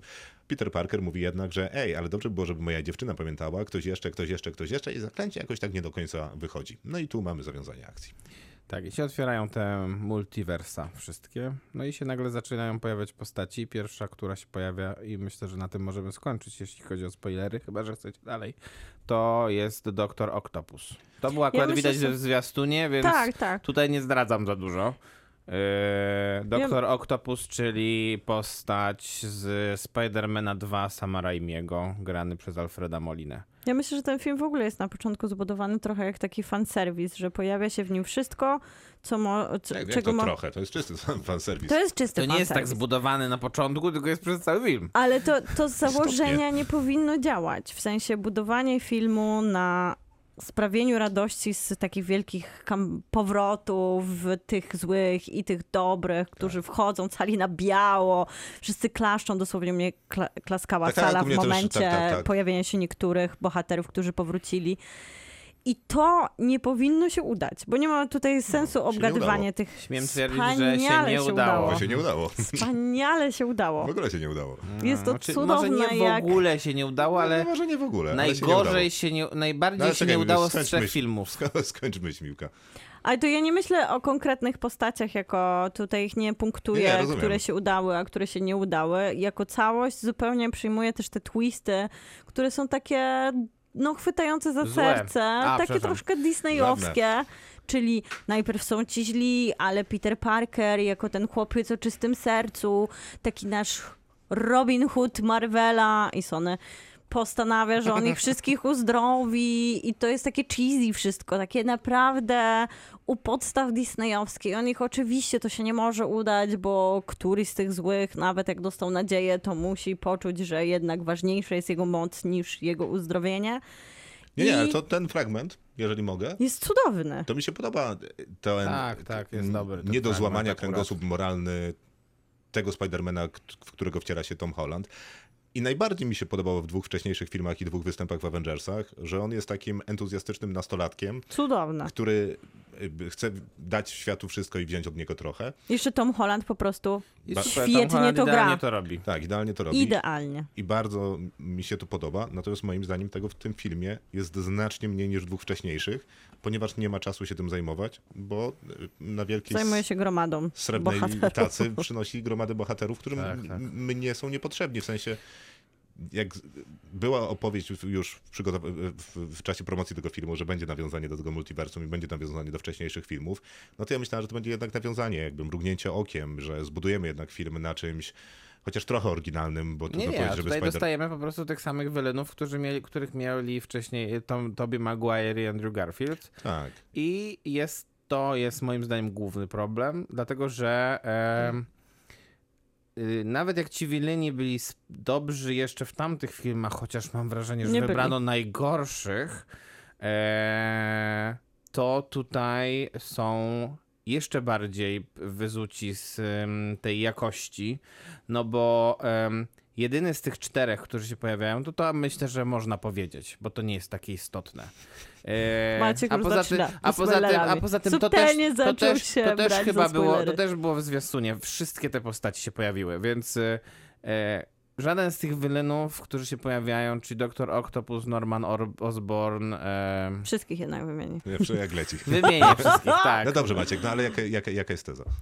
Teza jest taka, że przez to, że e, oni są słabo napisani i byli już słabo napisani wtedy, to tutaj nie ma żadnego kontrapunktu dla tego, dla No tej nie. energii Toma Hollanda, którą na przykład był znakomitą Misterio grany przez Jake'a Gyllenhaala w drugiej części. Ale tutaj słuchajcie, ja to- bym to chciała na- obronić tego, że to jest wspaniały pomysł, taki jak cały No ten... tak, to, to pomysł Ale jest nie, dobry, tylko jest źle jest to- zrealizowany. Wspaniałe jest to, że oni tak naprawdę wszyscy dostają wspólną jedną motywację, która tłumaczy wszystkich nieudanych, złych którzy się pojawili w Marvelu, a pojawiło się ich wielu.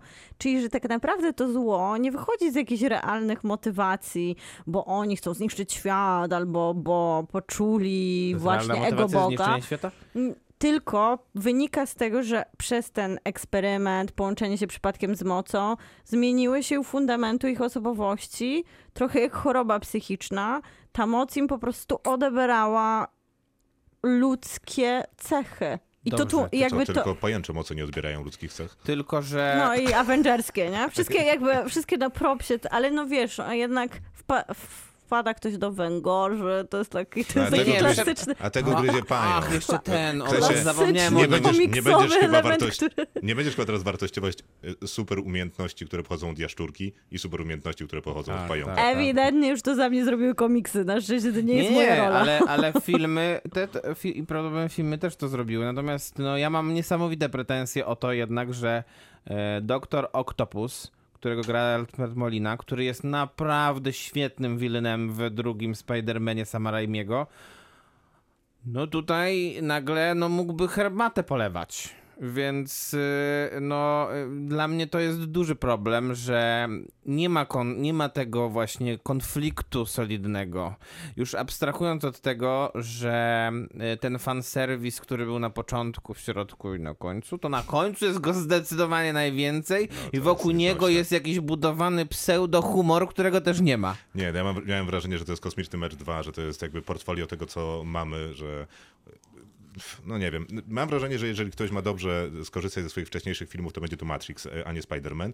W każdym razie Trzymajmy kciuki. trochę zażyna, To prawda. w sensie ten pomysł na papierze wygląda świetnie, że mamy różne multiversa, więc sięgnijmy, sięgnijmy do, no tak naprawdę różnych multiversów, bo różnie były prawa do Spidermana, e, e, w różnych rękach były, więc sięgamy do wcześniejszych, Tak, tak. wcześniejszych filmów i to jest naprawdę, koncept jest super. Natomiast ja mam wrażenie, że ten koncept trochę zażyna film, również na poziomie takiej opowieści dużego scenariusza, bo dostajemy na początku tę trójkę, czyli Zendaya, Holland e, i gość na krześle, którzy mają świetną dynamikę na samym początku, są super zabawni. Film I ma przez dwa filmy poprzednie też mieli. tak, i y, film Tak, ma tak, tam znakomite tempo przez bardziej. pierwsze pół godziny, później jest zawiązanie akcji, później jest jakby rozwiązanie akcji, czyli Spider-Man jakby Tam radzi jest sobie. kino takie też nowej przygody, dzieciaki odkrywają rzeczy, tam jest takie fajne tempo między nimi. Tym Ja- filmem nowej przygody to chyba, Super, ja tam się bawiłam to super. chyba nie. Przygoda może Miałem była, ale niezbyt nowa. No nie wiem, no ale jakby ma, ma paru przeciwników, y, rozwiązuje sprawę, wraca do Doktora Strange'a.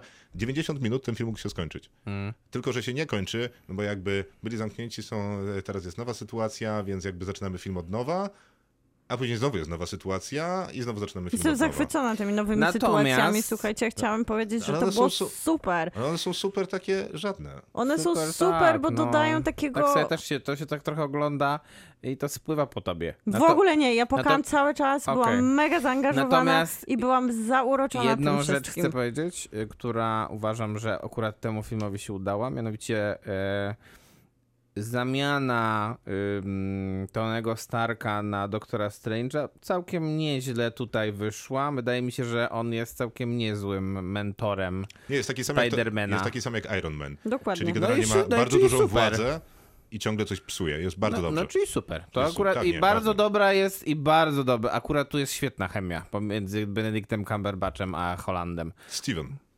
Steven. Steven. Ale to jednak nie brzmi dobrze. Nie, nie. Dziwnie. Kinotok. Film. To z filmu Spider-Man Into Spider-Verse, tak a propos tego, że rozmawiamy o Spider-Manie bez drogi do domu, czyli o pierwszym multiversum takim oficjalnym, e, bez żartu, bez mrugnięcia okiem, tak jak było w drugiej części, no to w tym Spider-Manie tak jest. Y, No i mam takie wrażenie, że jednak jak porównamy ten bez drogi do domu, czyli aktorski e, multiversum Marvela, to w porównaniu do Spider-Man e, Into the Spider-Verse. Into the Spider-Verse, to, to w ogóle to zestawienie jest nie- niezręczne. Nie, nie, zupełnie nie ma startu nawet e, ten bez drogi do domu. Zupełnie nie ma nawet startu. E, Spider-Man, to po polsku to jest Spider-Man Uniwersum, tak? Chyba tak to się mówi, ten, ten film animowany. Tak. To chyba. jest najlepszy film o Spider-Manie, jaki powstał kiedykolwiek. A nie, to jest 100% I- zgody. Ale No ale ciężko porównywać film animowany do fabularnego, no come on. No niby. What? Dlaczego? Ale przecież no, y, No, tamten, te, jeżeli, ten film, jeżeli ten film przerasta kino fabularne, kino aktorskie pod względem budowania postaci, budowania fabuły, nie wiem, tworzenia emocji, wizualności No i ale tak dalej, tak wizualność dalej, i w ogóle te tworzenie To co, Maciek, to multiversów powiedz w to co? To dlaczego nie można animacji jest dużo łatwiejsze. No to O, przecież... okej. Znaczy nie no, wiem, bo to po, porozmawiaj wtedy z tymi 50 milionami ludzi, którzy pracowali przy tym y, Spider-Man uniwersum. To wcale nie Myślę, jest... że po pierwsze, po pierwsze to na ludzi, to pewno nie jest takie proste, a po drugie, jeżeli... je- A po drugie, no to... Nie no, jest dobra. prostsze zbudowanie Nie, no, ale- wizualnego świata, który Okej, jest a- animacją. A jest no. prostsze Nie, nie zbudowanie... jest. Jakby technicznie nie jest prostsze, A ale jest to, o co chodzi zbudowanie Milce Maciek, postaci? poczekaj sekundę, jest prawdopodobnie to, że jakby więcej można przyjąć w tej animacji y, za takie umowne i zabawowe. Okej, Oczywiście. ale nie przyjmiesz, ale w animacji dużo trudniej z kolei samym głosem jest zbudować Tak, relacje no, między pewno. postaciami, emocje, em, e, tutaj nawet humor jest trudniej pisać, e, te, te posta- nie, nie można, nie ma za bardzo humoru sytuacyjnego, bo ciężko na nie, o niego, więc no... E, e, i w tym zakresie też e, Spider-Man Into the Spider-Verse wyprzedza o jakieś lata świetne ten film. No ale To też py- pytanie, czy można było w ogóle, czy te filmy można zestawiać, no bo zaproszenie... No pomysł jest identyczny. No pomysł jest identyczny, dlatego oni nie mogli zaprosić żadnych nowych bohaterów, którzy by wykroczali poza tą rzeczywistość, która zbudowana była, czyli za ten e, fanset, który już znamy, bo zrobiliby dokładnie to samo, co animacja, więc postanowili po prostu chwycić Ale za to uniwersum. No bo w Spider-Manie animacji to są zupełnie nowe postaci. Dobrze, ale na przykład... Ale na przykład Te, które przychodzą do to- Spidermana to- z to- rzeczywistości. to W sensie nawiąż- komiksowo może nie, ale jeżeli chodzi o nas i naszą wiedzę jako o bycie tylko tym, Tak. kto ogląda. Widzami Zgadza z się. Śląska. Natomiast, Dokładnie, natomiast, z drug, natomiast y, villain, który jest w animacji, czyli Kingpin, nie jest żadną nową postacią i nie jest też żadną nową postacią z punktu widzenia aktorskich y, poczynań, bo był, bo jest, bo był zarówno w filmie fatalnym Daredevil, jak i w serialu Daredevil Netflixa. Był I- świetny. I tam Jak go grał Vincent rzeczy. D'Onofrio znakomicie, więc no e, myślę, że myślę, że e, może warto było jednak na ciekawszym wilynie też zbudować tę fabułę, bo ja będę się upierał, że w filmach Marvela oczywiście z wilynem jest często problem, ale akurat w tych dwóch pierwszych filmach e, o Spider-Manie nie było tego problemu. Ale nie, no oni Mysterio też- był świetny i świetnie wymyślony, też no wy- i znakomity był przecież.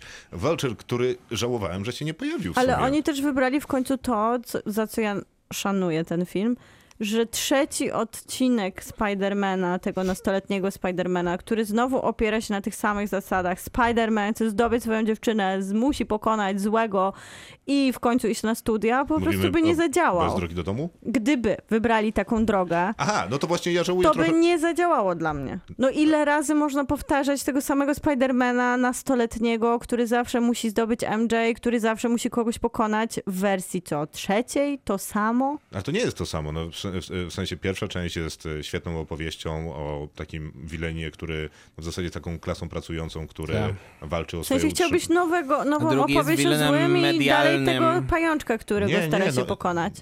Nie, no bo to są zupełnie inne opowieści, nie? No to więc staram się wytłumaczyć, o czym jest pierwsza. Druga jest przecież e, o fake newsach. E, tak, misteri- medialnym to wpływie na med- mediów na świat. Tak, i to, że nawet superbohater e, nie jest w stanie z tym wygrać, e, ale też e, no, sam Mysterio i też wiełaki, e, z którymi walczy i to skakanie po Europie no, jest jakby świetną narracją, a do tego domieszany jest jeszcze e, ten Tony Stark, bo on ma przecież ten system, który kontroluje te, te wszystkie satelity bojowe i tam nie wiadomo co. E, No a ta trzecia część jakby odważa się przyjść do multiversum, tylko mimo, że ma bardzo ciekawy i zajmujący tak mózg pomysł, y, bo wydaje mi się, że nikt nie zrobił takiego numeru jeszcze, chociaż możecie mnie poprawić, żeby zaciągać wcześniejszych aktorów, którzy grali jakby tę samą postać, żeby się tym bawić, no to wydaje mi się, że mimo, że ten koncept na papierze jest super, no to nie za bardzo się tym konceptem bawią, bo jednak jak w końcu dostaje tych paru Spider-Manów na ekranie, to, to, to I jest paru wilenów.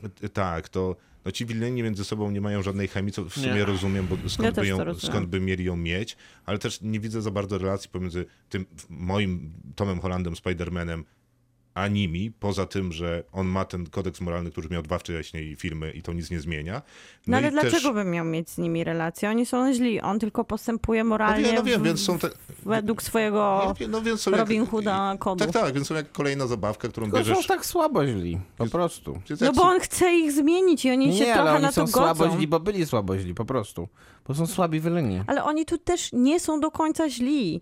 Oni tu są złamani, bo jednak się pojawiają w sytuacji, w której ich życie się skończyło. Oni się muszą pogodzić z własną śmiercią. Oni przegrali, więc jakby nie mają tej przestrzeni, żeby być tymi zwycięzcami, być tymi, którzy chcą zniszczyć świat, czuć się jak bogowie, bo No oni no, są że- martwymi Okej. wspomnieniami o sobie samych. Znaczy nie, no okej, być może ta motywacja jest całkiem niezła, tylko że ja tego nie czuję. Mi się totalnie podoba. Ja rozumiem, tylko że ja tego zupełnie nie czuję w, w filmie. Być może dlatego, że jest ich za dużo i, i, i, i Tak. te krótkie pojedynki z nimi są nieciekawe, a ten fi, finalny pojedynek, jakby drużyna na drużynę z różnych uniwersów, no, też wydaje mi się dosyć taki nie za bardzo. Zwłaszcza, że nie wiem, czy zwróciliście uwagę, że jakby sceny akcji, porównując na przykład do fenomenalnego latania na tych linkach Spidermana z drugiej części, zwłaszcza na Tower Bridge w Londynie. Są dużo mniej interesujące. I dużo mniej kreatywne. Tak. I, i, ten, wydaje mi się, że ten film nie poszedł do przodu, poszedł trochę jednak do tyłu przez to, że korzysta z tej spuścizny wcześniejszych filmów i aktorów. Zupełnie ja mam inaczej, że właśnie dla mnie otworzył się na nową opowieść, bo dał w końcu motywację złym, niezależnie od tego, że ich nie ma w kontekście jednego, który ma historię, tylko już nie trzeba ich o historii opowiadać, bo ona poza tym, że zawsze brzmiała podobnie, jest tutaj, wybrzmiewa jako takie jedno wielkie podsumowanie tego, że może w tym wszystkim jest, je, jest coś więcej niż tylko chęć zniszczenia świata i każdy z nich ma No, taki... ale nie taka była motywacja też wielu w poprzednich dwóch filmach. No nie taka była. No tak, no, ten Lizard chciał uratować świat i ewoluować go. No to nie? jest zawsze jakby podobna, po, podobna bzdura. W sensie, jak patrzysz na Lizarda, no No, to jest to do- komiksowa bzdura. Zwykle No, to- to- źli no- mają komiksowe Znaczy, to bzdury tle. chcemy używać takich To nie jest ich wina, to ja jest chcę- wina komiksu. Jak chcę używać takich argumentów, to ten film też jest komiksową bzdurą. Tak, prawda. ale przynajmniej po raz pierwszy z tych wszystkich właśnie bzdurek zbiera jakiś taki element, w którym przynajmniej nasz e, pajączek jest konsekwentny i, i wydaje mi się, że to jest piękna opowieść, że Ale on jest taki konsekwentny On był w każdym swoim drugim. filmie konsekwentny, co No, przypominają Miał coś ciekawszego może nie najlepiej zagrani, ale poprzedni jego, poprzednie jego wcielenia, które też pr- przypominają, że oni mieli dokładnie te same kody moralne i dokładnie byli tak samo Że oni złamani. byli starsi, nigdy nie mieli, no nie wiem, okej, no W sensie, że Nie- jest nie tutaj trafia to do punkt mnie e, zupełnie. zbiorczy i to jest bardzo, przynajmniej dla mnie to emocjonalnie wybrzmiało. Jedyny problem, Nie, jaki mam z sekundę. tym, Nie, nie, tam, to, ja rozumiem, że koncept wybrzmiewa, ale co tam, gdzie tam są jakieś emocje? nie, emocji totalnie nie ja ma. p- przepłakałam pół filmu. Nie, nie, nie ma żadnych emocji. No dobra, no, no Nie, różnie to- bywa. Mnie na przykład strasznie tak skruszyło, wiecie, jak na Disneyu, że Tom Holland musi się pożegnać ze swoim życiem i jak właśnie ten Robin Hood wybiera, żeby tutaj nie robić e, spoilerów większych. O, już zrobiłaś, więc No wygrałaś ale w sensie to już jest na nawet na, po, na początku. On musi się pożegnać ze swoim życiem, które znał, bo jego tożsamość jest ujawniona i on ciągle jest w tym, w tym kontekście wyboru i te Piękne. wybory ja je czuję. Ale mam problem z tym, co będzie teraz. Nic nie będzie właśnie, no nic już nie będzie. Bo, bo to jest jak trochę, jak wiecie, jak koniec Avengersów, że trochę jakby zakończenie serii. Znaczy nie wiem, y, wydaje I mi się, wtedy że w to ogóle, ma sens. w ogóle ten, są to jeszcze takie dwa problemy, które mam. To jest taki, że ten friendly neighbor y, Spider-Man, e, czyli ten przyjazny Mhm. Spider-Man z sąsiedztwa, to był ten, który mi się podobał. Mi się podobał, że on był z tego Queens, podobało mi się, że był taki właśnie blisko tych sąsiadów, że to jego otoczenie, miasto jakby wpływało na niego bezpośrednio. Mhm. Nie podoba mi się przeniesienie Spidermana do tych epickich, wielkich historii niemalże w kosmos. Wydaje mi się, że to nie jest dla niego dobre środowisko, ale to sobie niech widzowie oceniają. Niemalże, malże. W sumie w kosmosie też był. Tak, Był, tak, nawet się tak. chwalił. Ale to jakby krótko był w tym kosmosie, więc No lubię... zniknął. Mhm. A poza tym nie w swoim filmie, nie? A poza tym lubię, no lubię go tam na ziemi, dlatego też być może podobały mi się dwa, dwa pierwsze filmy. Bardzo mi się podobała ta narracja opowieści jego jako dojrzewającego, która też wydaje mi się tutaj zmarnowana. Ja bym obejrzał chętnie chyba jak idzie do tego koledżu, ale to też pewnie jest kwestia wyborów. Yy, No i chyba najbardziej yy, w tym filmie i, i, i pewnie można używać argumentu, że to jest Marvel, albo oglądasz, albo nie, no ale nie podoba mi się to, że muszę obejrzeć wszystkie filmy o Spider-Manie, żeby odnaleźć się w tym Spider-Manie. Nie? I to, to wydaje mi się jest taki A dlaczego? Ja myślę, że totalnie nie musiał być. W sensie, że No jak Dlaczego? nie? No jednak e, No wi- wiesz, no jakby stop, stop klatką się kończy, zaczyna z tego drugiego. No nie wiem. A ten drugi Przecież może tak, ale reszta nie jest mi tutaj jest- myślę, że potrzebna. całkiem Zrozumiałe. jednak resztę też, bo tam jest dużo jednak takich e, takich w, w, w dialogach nawet takich sugestii, które nie są wytłumaczone w taki sposób, żeby jednak zrozumieć je No, że, bez, że już bez nie, nie wspomnę, że połowa żartów je- jest, opiera się jeszcze Jest- na filmach sprzed na przykład się na, tak, na 12 nostalgii, lat. nie? przerwie i tak, i wspomnieniach. No. Że jak on mu tam mówi Garfieldowi, że jest amazing, nie? No to jest dosyć jasne Dokładnie. nawiązanie. Mhm. Więc, no nie wiem, e, mnie nie wzięło, e, a trochę, trochę żałuję, bo Spider-Man e, ten w ostatnich filmach był super. Będziemy oceniać. Mnie nie wzięło, ale i tak dam 6 na 10. Ja też dam 6 na 10, nie Osiem wzięło mnie, ale 10. jest jednak całkiem... To, była, to jest super zabawa. To jest po prostu fantastyczna, dwójpół godzinna Maciek, teraz zababa. musimy powiedzieć, że to nie jest super Śmiech, zabawa. łzy Więc i nie- rozrywka czysta. To nie jest super zabawa i zostawmy przy tym.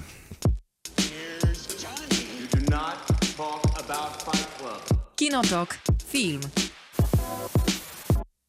Paolo Sorrentino wypadł nam na koniec e, i jego najnowszy film, Zgłaszam który dostępny nie- jest. nieobecność. Nieprzygotowanie się zgłasza. Nie, nieobecność. Nieobecność, dobrze, wyłączam ci mikrofon. Dobrze, że chociaż na koniec dobre coś nam się wpadło. E, Ja nie, nie znaczy tak, na pewno. Dobra, Paolo Sorrentino, Ręka Boga, mamy mało czasu. Nie, nie, to, to była ręka Boga, tak to jest po polsku. Jest to nawiązanie do strzelonego gola y, w wykonaniu Maradony. Tam była jakaś skomplikowana sytuacja, bo oni grali w Neapolu i to była Argentyna kontra... Nie, grali w Meksyku, to była. Argentyna, Anglia i były to Mistrzostwa Świata i, i Diego Maradona strzelił gola ręką. Tak jest i to jest najsłynniejszy mecz, najsłynniejsza bramka i to dokładnie mówi, jak wiele wiem o piłce nożnej. W każdym, w każdym razie Asif, Asif Kapadia dobrze to opisuje. Bardzo ważne jest to w Diego. kontekście tego, że był wtedy graczem Napoli i cały, całe wydarzenia filmu się dzieją w Neapolu, czyli w mieście rodzinnym Paulo Sorrentino. Gdzie zaczynał karierę, gdzie jak Diana Dąbrowska, wybitna krytyczka filmowa zajmująca się włoskim kinem, mówiła, że należał do takiej grupy, która nazywa się jakąś grupą Wełzewiuszowską, od Wełzewiusza. A i to była taka grupa filmowców y, podobna jak Do- Dogma, tworzona w Skandynawii, którzy zakładali sobie pewne rzeczy, że będą robić takie, a nie inne kino, mieli swój manifest i działali. Ponoć ci twórcy całkiem nieźle pokończyli. Niektórzy są regularnie do Wenecji zapraszani. Ich filmy są przegapiane, no ale jednak jest to istotny festiwal. Natomiast ten film jest super osobistym takim, taką opowieścią na polu i dojrzewaniu Paolo Sorrentino i początkach fascynacji i piłką nożną, e, i, dziewczynami, filmem, tak. i filmem. Tak, tak, rzeczywiście. Jest to opowieść o jego dzieciństwie, o, o tym W jak... młodzieńczych latach. O młodzieńczych latach, o tym jak żyło mu się z rodzicami, jak żyło mu się w takim specyficznym bloku, gdzie wszyscy sąsiedzi się znali, gdzie bardzo było blisko, mm, bardzo było, byli blisko ze sobą, jeśli chodzi o rodzinę, gdzie też bardzo ważne było właśnie oglądanie tych meczy Napoli y, w każdą sobotę, czy tam w każdą niedzielę, to było takie święto. E, Tutaj zresztą jest jedna, jedna ze scen kulminacyjnych tego filmu, która nie ma za bardzo wpływu na fabułę, natomiast jest to jedna z ostatnich scen filmu, w której widzimy jak Napoli wygrywa Mistrzostwo Włoch w piłce nożnej i, e, no i wszyscy, właściwie jest szaleństwo na ulicy. Jest, Tak, a Diego Maradona był takim chyba piłkarzem, który zmienił Neapoli z klubu, który Tak, tak, raczej tak. się nie liczył, tak. na tego, który zdobywa No tak, mistrzostwo no pierwszy Włoch. raz w historii y, zdobyli tak zwane Scudetto, czyli Mistrzostwo Włoch w piłkę nożną i to było właśnie za czasów Maradony i to chyba nie był jedyny raz, kiedy też to zrobili. Twoja wiedza sportowa jest e, Zaskakująca dla ciebie. Niezmiennie zaskakująca. Natomiast tak faktycznie najprawdopodobniej było, skoro Maciej Mhm. tak mówi, to wierzę. Mm, Poza tym coś mi się obiło, bo widziałem film Diego Asafa Kapadi, więc trochę, Znakomity trochę mnie przygotował. Mhm. Tak, znakomity i trochę mnie przygotował do tego filmu.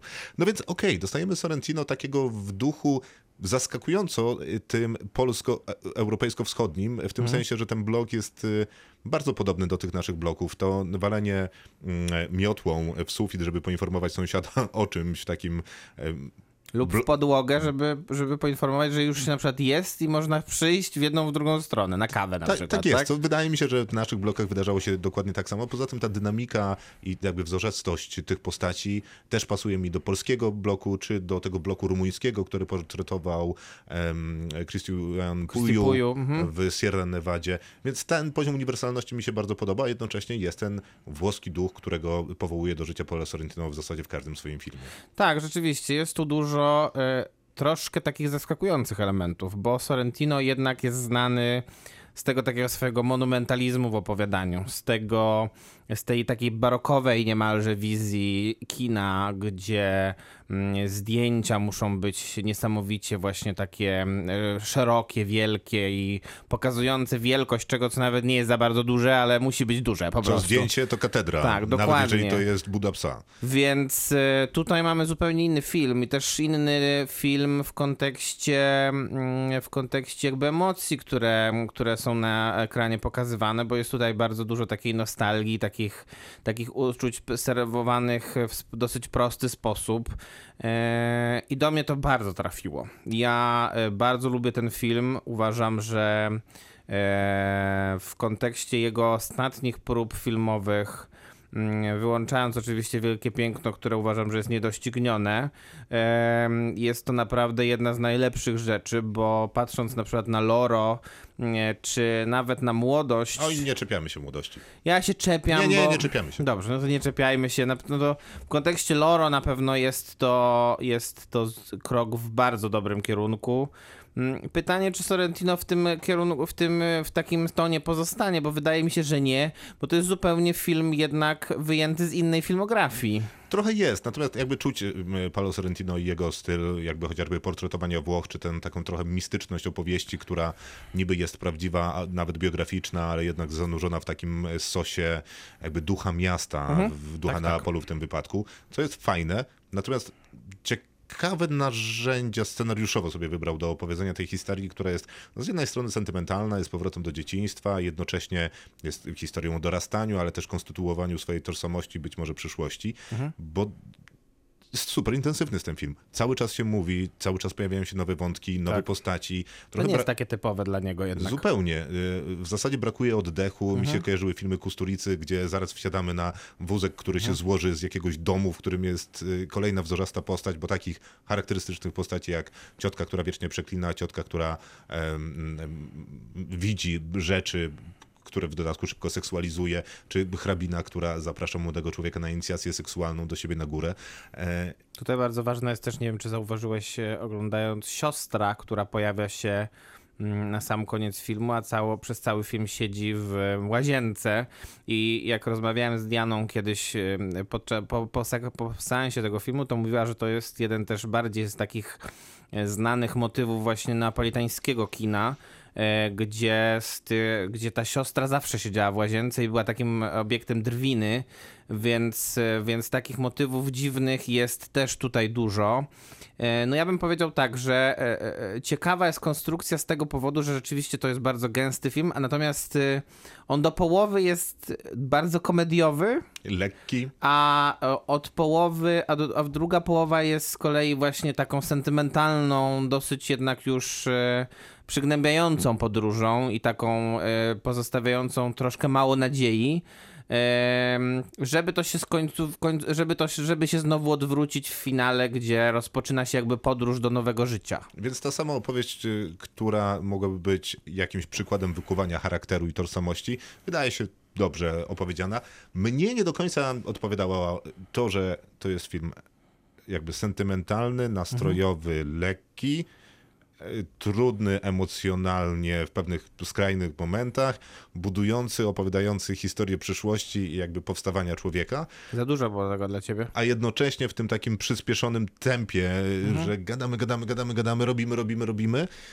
Tego było dla mnie za dużo, natomiast generalnie trudno odmówić Sorrentino jakby sprawności w wykonaniu bardzo, tego, co zrobił, bo to wszystko się tam dobrze klei. To prawda. Ja, e, ja wystawiam temu filmowi 9 na 10 i myślę, że on się znajdzie gdzieś w okolicach mojej topki tego roku. Taką przynajmniej mam nadzieję. Ja mu daję 7 na 10, yy, w mojej topce się nie znajdzie, ale Sorrentino niewątpliwie w formie.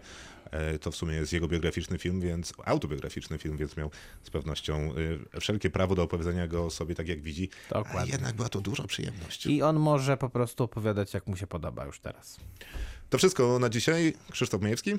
Miłosława Bożek. Maciej Stasierski, dobranoc. Jeszcze zapraszamy na A, zapraszamy. Spotify'a, bo tam szukamy po pierwsze e, subskrybentów, czyli was, Po a po drugie, drugie... ocen.